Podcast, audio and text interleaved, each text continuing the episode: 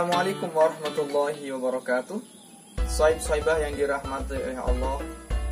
Pada video kemarin kita telah membahas ilmu yang wajib kita pelajari dan siapa yang wajib mempelajari ilmu. Pada kesempatan ini saya akan membahas keutamaan ilmu Syaraful ilmu. Apa sih keutamaan ilmu? Syekh Zarnuji dalam kitab Ta'lim Ta'lim menjelaskan Yang pertama adalah Al-ilmu Al-mukhtas bil insaniyah sesungguhnya bahwasanya ilmu itu merupakan sesuatu yang khas, yang spesifik, yang hanya ada pada manusia, tidak ada pada yang lain. Ciri sifat kita yang dimiliki manusia itu juga dimiliki oleh makhluk Allah yang lain. Contoh, hewan mempunyai sistem ekspresi, mempunyai sistem pencernaan, mempunyai sistem hormon. Manusia juga punya sistem hormon, punya sistem pencernaan Contoh lagi, tumbuhan. Tumbuhan dapat berkembang, dapat tumbuh. Manusia juga dapat berkembang dan dapat tumbuh. Jadi, ciri-ciri itu ada pada makhluk Allah yang lain. Kemudian, sifat. Hewan punya sifat berani, punya sifat kasih sayang. Manusia juga punya sifat berani, juga punya sifat kasih sayang. Jadi semua ada pada makhluk Allah yang lain kecuali ilmu. Itu hanya ada pada manusia. Kemudian yang kedua, ala ilmu wasilatun ilal birri wa taqwa. Bahwasanya ilmu itu merupakan perantara untuk melakukan kebaikan dan melakukan perintah takwa. Mengapa?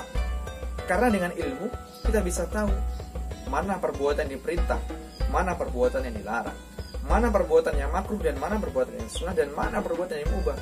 Karena kita bertakwa, karena kita berbuat kebaikan, dengan ilmu yang kita punya al amal bi mengamalkan ilmu sehingga Allah akan memberikan kemuliaan kepada orang yang berilmu.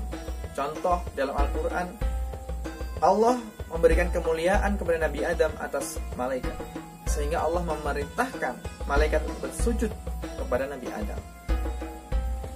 Wa 'allama Adam asma'atullah. Allah memberikan ilmu kepada Nabi Adam dengan mengajari asma-asma. Kemudian Allah juga akan memberikan as-sa'adah al-abadiyah yaitu keberuntungan yang abadi. Apa itu keberuntungan yang abadi? Yaitu marotibul jinan waliko illahil malikil malik yaitu tingkatan-tingkatan surga dan bertemu dengan Allah dengan mata nanti di akhirat.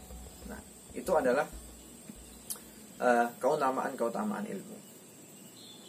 Syekh Muhammad bin Hasan beliau mempunyai syair yang mana pada akhir syairnya itu berbunyi fa inna faqihan wahidan mutawarri'an asyaddu ala syaiton min alfi abid Sesungguhnya orang yang ahli fikih satu yang wirai itu lebih berat bagi syaitan dibanding dengan seribu orang yang beribadah.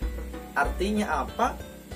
Satu orang yang berilmu menjalankan ibadah itu lebih ditakuti oleh syaitan tinimbang seribu orang beribadah tapi tidak berilmu. Ini juga dijelaskan oleh Imam Al-Ghazali dalam kitab Ihya Ulumuddin juz 1. Baik, terima kasih. Saya Saibah. Sampai bertemu di video berikutnya.